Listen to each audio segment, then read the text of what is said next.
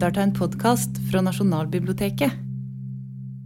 Ja, godt folk. Hjertelig velkommen til Nasjonalbiblioteket.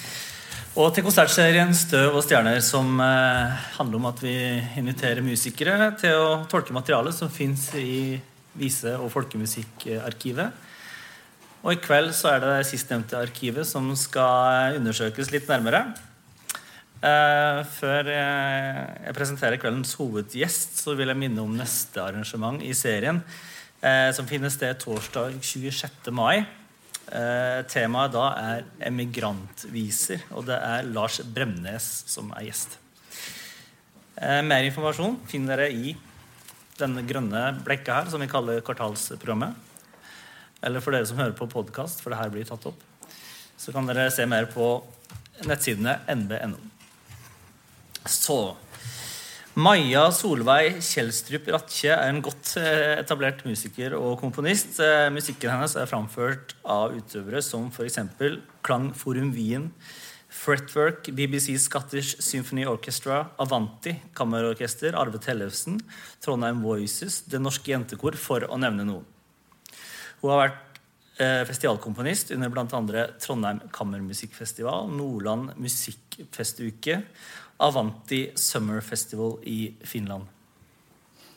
I 2001 eh, mottok Ratche som første komponist i Norge Arne Norheims komponistpris. Hun er også kjent som utøver og eh, improvisasjonsmusiker i bl.a. gruppa Spunk. Og har samarbeida med en rekke musikere i inn- og utland. I 2013 var hun nominert til Nordisk råds musikkpris for sin stemmebruk. Og Samme år så fikk hun Rolf Gamlingprisen for deltakelse på over 100 plateutgivelser. Så til å lede oss gjennom kvelden eh, ta godt imot eh, en stemme kjent fra eh, NRK Radio. Kari Slotse.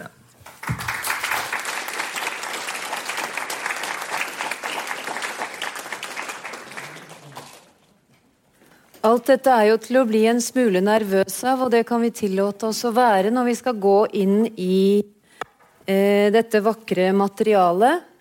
Dere får, mer, dere får en innføring etter hvert i hva som skal skje. Eh, og denne kvelden her blir annerledes enn de foregående igjen. Hver kveld blir annerledes enn de foregående. og Ikke fordi vi har lagt opp til det, men det er bare fordi at det blir slik. Vi har med oss kunstnere som har en helt spesiell egenart. Som har en helt spesiell styrke, og som står for noe helt spesielt. Og Dermed blir det forskjellige historier vi forteller, og forskjellige ting vi formidler. Og Jeg er jo så klart ikke alene her. Jeg har med meg som eh, sist Hans Hinrich Tedens, som kommer her. Fra Norsk Folkemusikksamling. Hei, Hans Hinrich. Og her er Maja Ratje.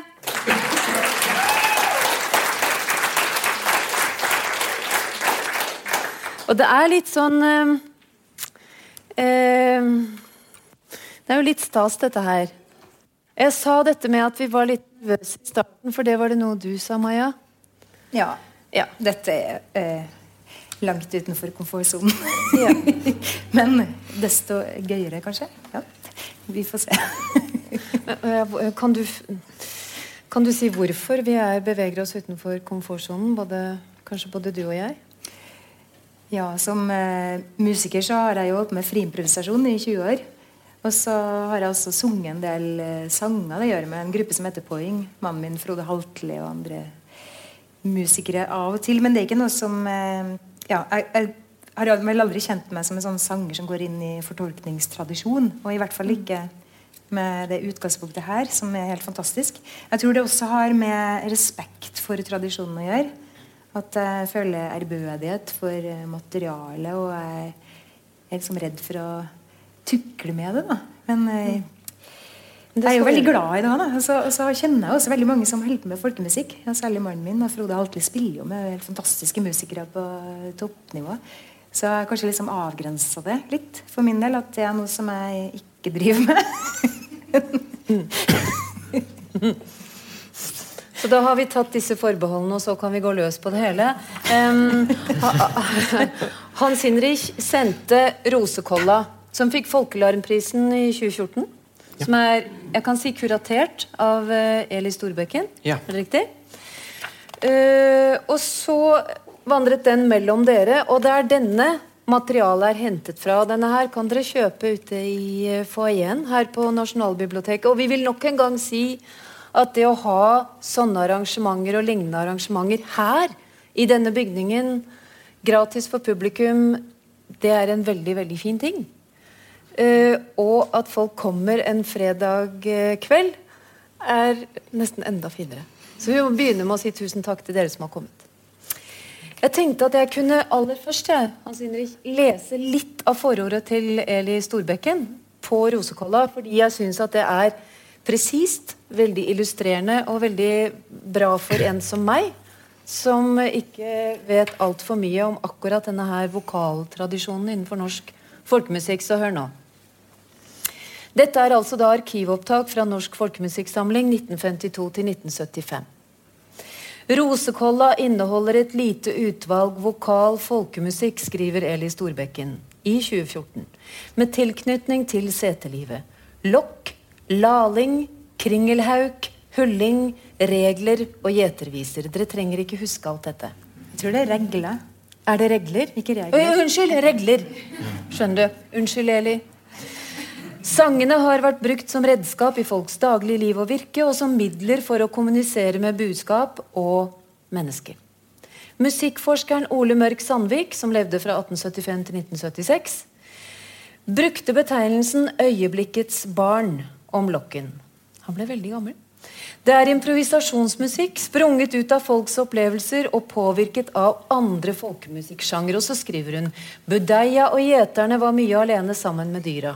I lokk og laling hører vi elementer av glede, lengsel, vemod og kjærlighet til dyr og natur. Og lokken inneholder noe av det eldste melodimaterialet vi kjenner.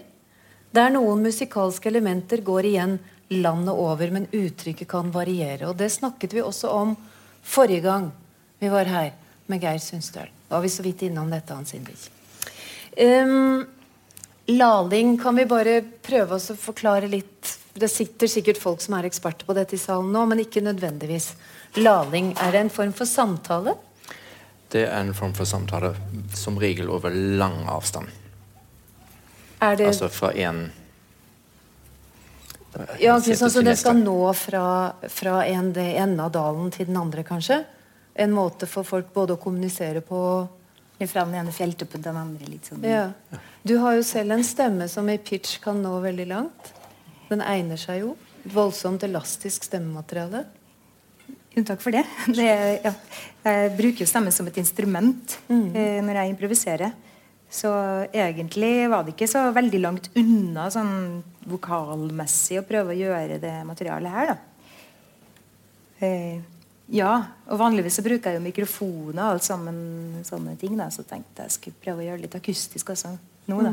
For det, det er jo meninga at det her skal bære over strekninga. Jeg testa det litt med ungene mine. Og lukka litt på dem.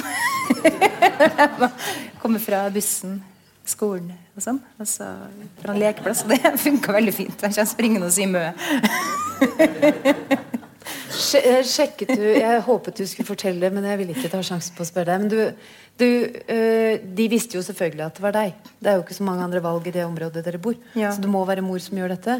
Ja. Men testet du hvor langt forskjellige måter å bruke stemmene på bar, eller hva de hadde hørt? og Ja, sånn? jeg testa litt grann når de kom med skolebussen. Og så visste jeg når skolebussen kom, og så stilte jeg meg på trappa og begynte å lokke. da eh, Både sau og ku og geit. I litt forskjellige pitcher. Og så spurte jeg dem etterpå hva de hørte, og det, og det var jo det, det som var mest sånn høyfrekvent. Som bar gjennom. Da. Så det er jo en grunn til at det høres sånn ut i opptakene Ja. fra setelivet. At det, det er de lyse, veldig sånn nasale stemmene som bærer. Og det er en helt annen klang da, enn en operaklang, hvor du bruker hodeklang. Så du, du får frem veldig sånn spisse overtoner. Så det, du blir sånn sylskarpt. Og, eh, er det forskjellig pitch etter hvilke dyr, Hans Henrik? Så? Det vet jeg ikke, men det går jeg ut ifra. Så I hvert fall så er det ganske klart hvem den, en sånn lokk er rettet til. Og dyra til den ene budeier går jo ikke til den andre. De vet jo hvor de skal, og de kjenner jo igjen stemmen. Det er ganske fantastisk. Ikke at jeg har førstehåndskunnskap til det. Det skal du slippe å gå inn på. Hvis du roper på en ku, og så kommer den en hit, så har du gjort noe gærent. Altså. Jeg lurer litt på hvorfor, hvorfor det er forskjellig. da. Det har jeg lagt merke til at eh, altså, I Nord-Østerdalen, altså, hvis man lokker på en geit, så er det mer sånn knirkelyder og, sånn, og litt sånne ting. da. Hvis det er en ku, så er det mer, mer sånn oh! Og geit, så er det ja, jeg mener Saus er det noe midt imellom. Og De har liksom ulik lydkvalitet i forskjellige lokkene. Jeg vet ikke om det, Du kan utdype det? Nei, jeg har observert det samme, men jeg har ingen direkte forklaring ja. på det. det Kanskje noe med hvor langt dyra drar òg, for så vidt? Sikkert. Hva slags Sikkert. type dyr ja. drar pokker i vold? Mm. Mm -hmm.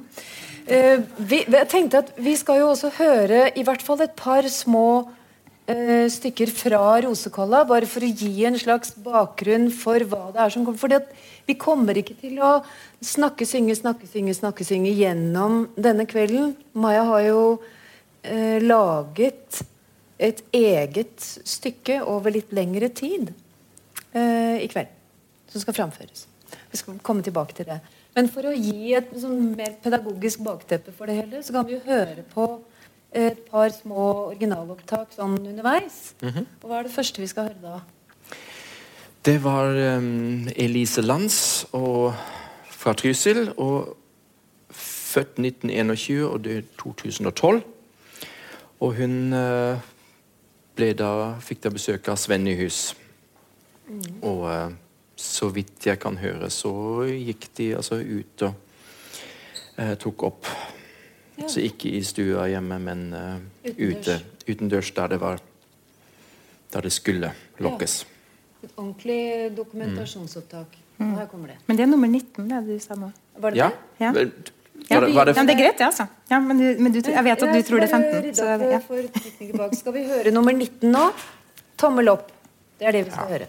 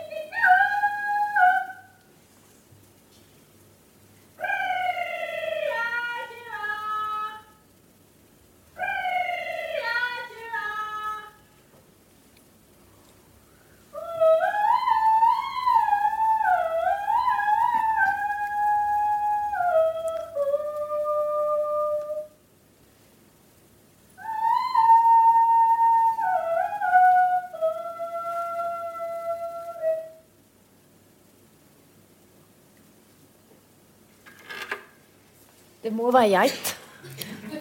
Det var faktisk alle tre. Ja. Var det alle tre? Ja. Det er helt fantastisk. Potpourri. Ja. Men det høres også ut som en, eh, en, blanding av kjeft og kos. Hvis du kommer, så får du kos, og hvis du ikke, så får du kjeft.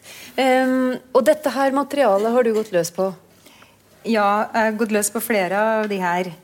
De, eh, de som eh, taler til meg. mest. Og så har jeg lært meg en del av de, og så bruker jeg en del av de som utgangspunkt for uh, improvisasjon. Mm. Og så har jeg faktisk uh, gjort noe opptak fra plata, sampla det som det heter, over på en sampler og på en kassettspiller. Så jeg kan også spille av litt ekte budeie underveis. sammen med meg sjøl. Ja, jeg lurer på om vi skulle gjøre det. Uh, det og for opptakets skyld. Jeg, det, er, det er veldig rart, men jeg peker opp når jeg snakker om opptaket. Det er litt som the all seeing eye. At Nasjonalbiblioteket på en måte ser oss og tar opp alt vi sier. Men det er jo en veldig fin ting. At, eh, Opptak og ja, nedtegnelse. Ja, det er noe sånt. Det det, ja, blir liggende i arkiv for ettertida. Så her til høyre for oss så står det et stort bord. På det bordet er det litt av hvert. Du sa selv at det var en del ræl der. Ja. Men jeg syns at vi også for fornøyelsens skyld kan fortelle litt hva som er på bordet, og hva som utgjør den komposisjonen der fortid møter samtid om ei lita stund. Kan vi begynne det autentiske hjørnet. Det her er jo ekte. Disse er fra Sveits, men de, de kommer jo fra et bruksområde. Det gjør ikke dette på samme måte, men lydlig sett så, så henger det sammen, da, syns jeg.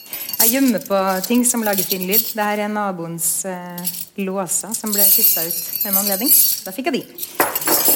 Det kan være noe for henne. Ja. Disse har jeg også fått av en annen nabo. Den fine klokka.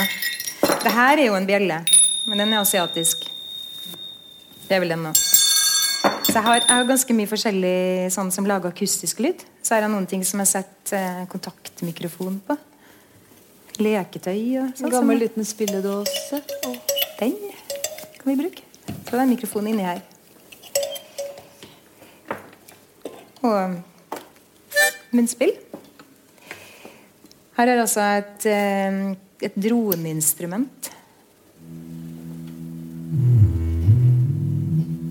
Så det er elektronisk analogt instrument som er bygd av en fyr i Texas som bygger sånne instrumenter inni gamle bokser.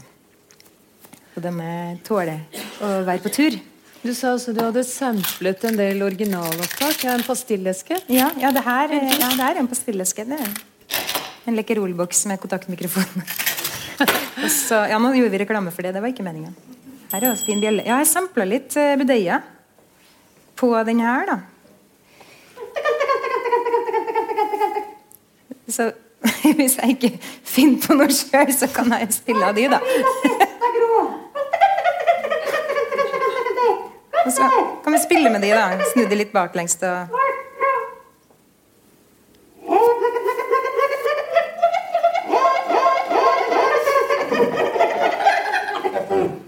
og holdt på med effekter og sånn, så de, de tas jo inn da i, i vår tid. Opptakene er jo fra 50-60-tallet. Eh, ja, jeg har også en gammel kassettspiller som jeg nevnte, nevnt med opptak på. Ja, og mikrofon. Og det her er en termin. Som jeg også følte var beslekta når jeg sto i studio og lurte på hvilke instrumenter jeg skulle ta med. Eh, så jeg har jo laga et opplegg for det her, men det er også ganske mye improvisasjon. Har du hatt oversikt over hva Maja ville gjøre med alt dette? Eller har, har du hørt alt hun nå kommer til å gjøre? Overhodet ikke. Så fint. Er du spent? Em, når, man lar, når man improviserer fram noe som dette her, og som du sa, du har en veldig ikke-akademisk eh, innfallsvinkel til det hele. I stad snakka vi litt om det. Og at um, du kunne brukt alt du har lært. Solid utdannet og med en lang eh, merittliste også. Men så gjorde du ikke det. Eller valgte å gripe det an på en annen måte. Skal vi si noe om det før vi går videre?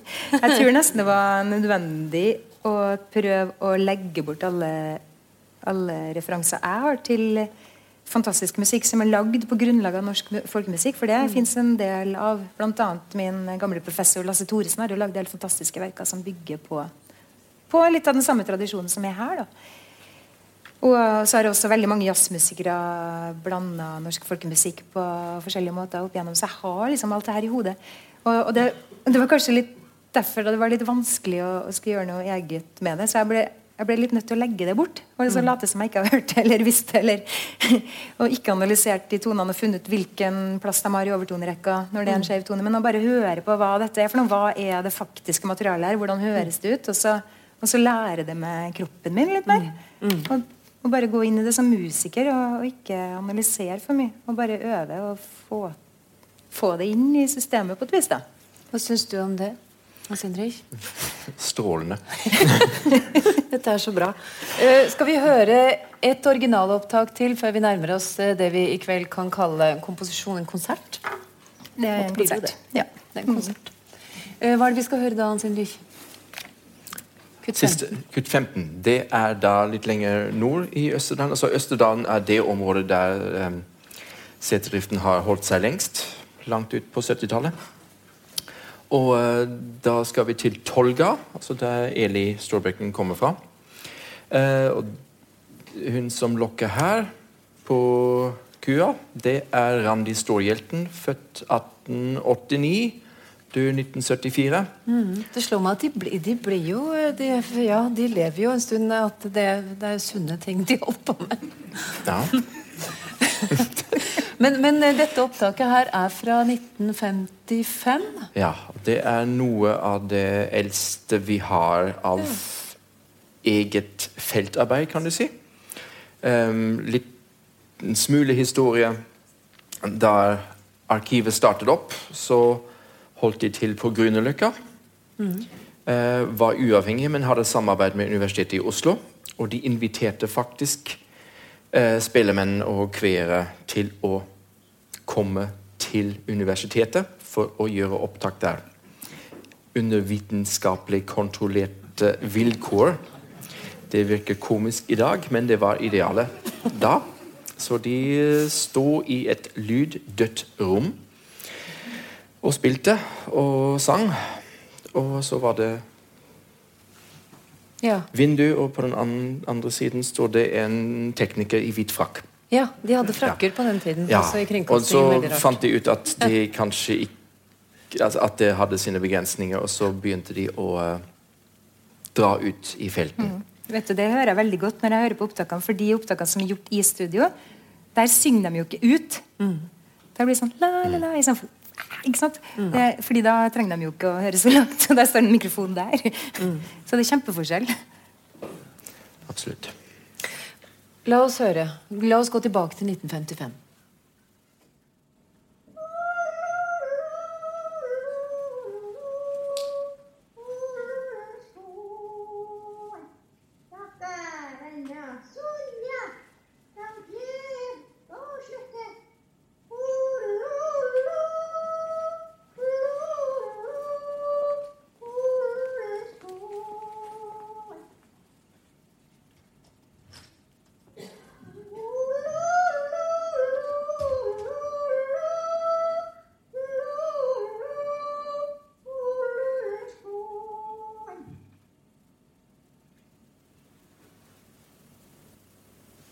That's it.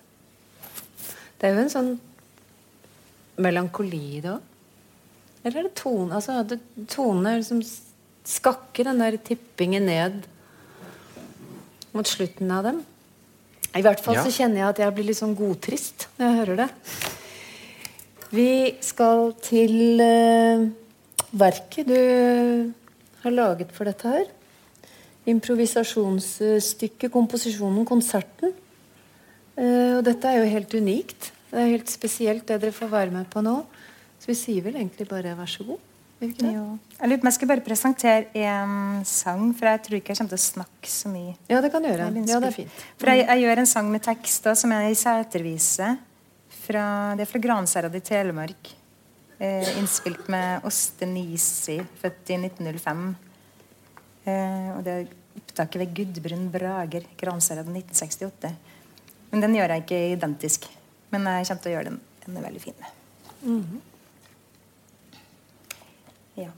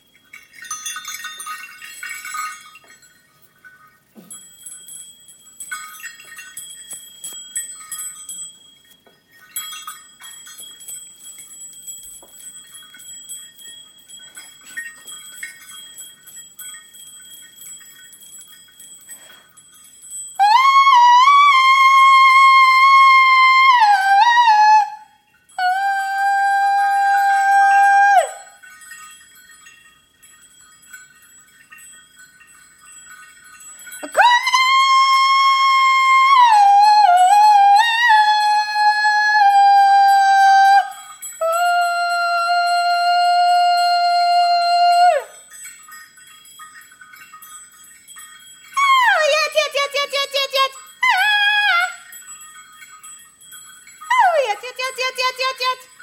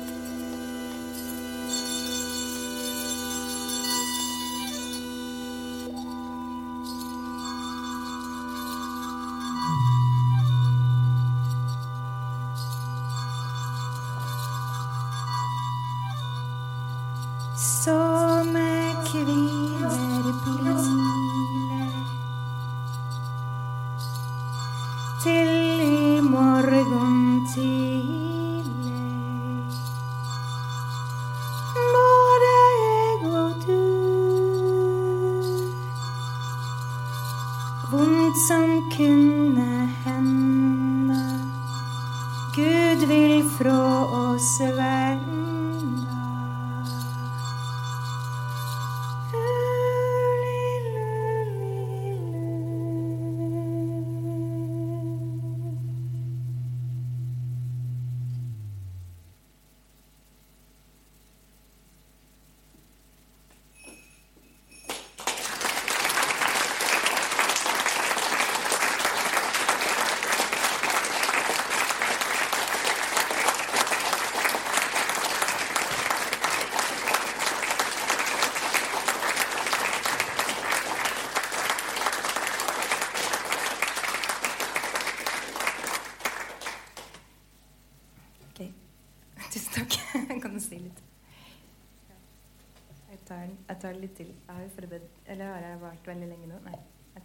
til å se når jeg starter. Og det var så dansk jeg heter Visser fra Telemark.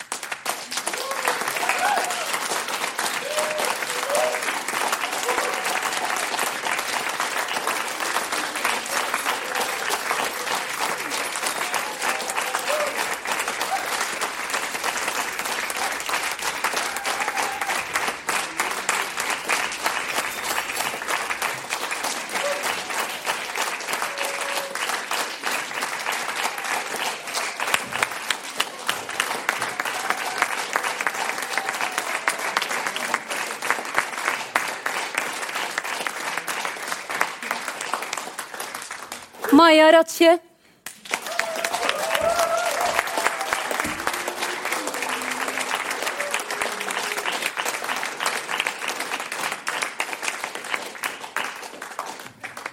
Slik kom fortida inn i samtida. Tusen takk, det var en stor opplevelse. Veldig glad for at dere kom. Husk 26. mai med Lars Bremnes og emigrantviser, alle de som dro.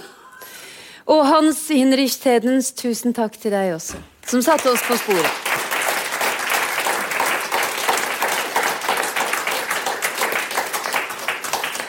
Og ha en lokkende fredagskveld, alle sammen.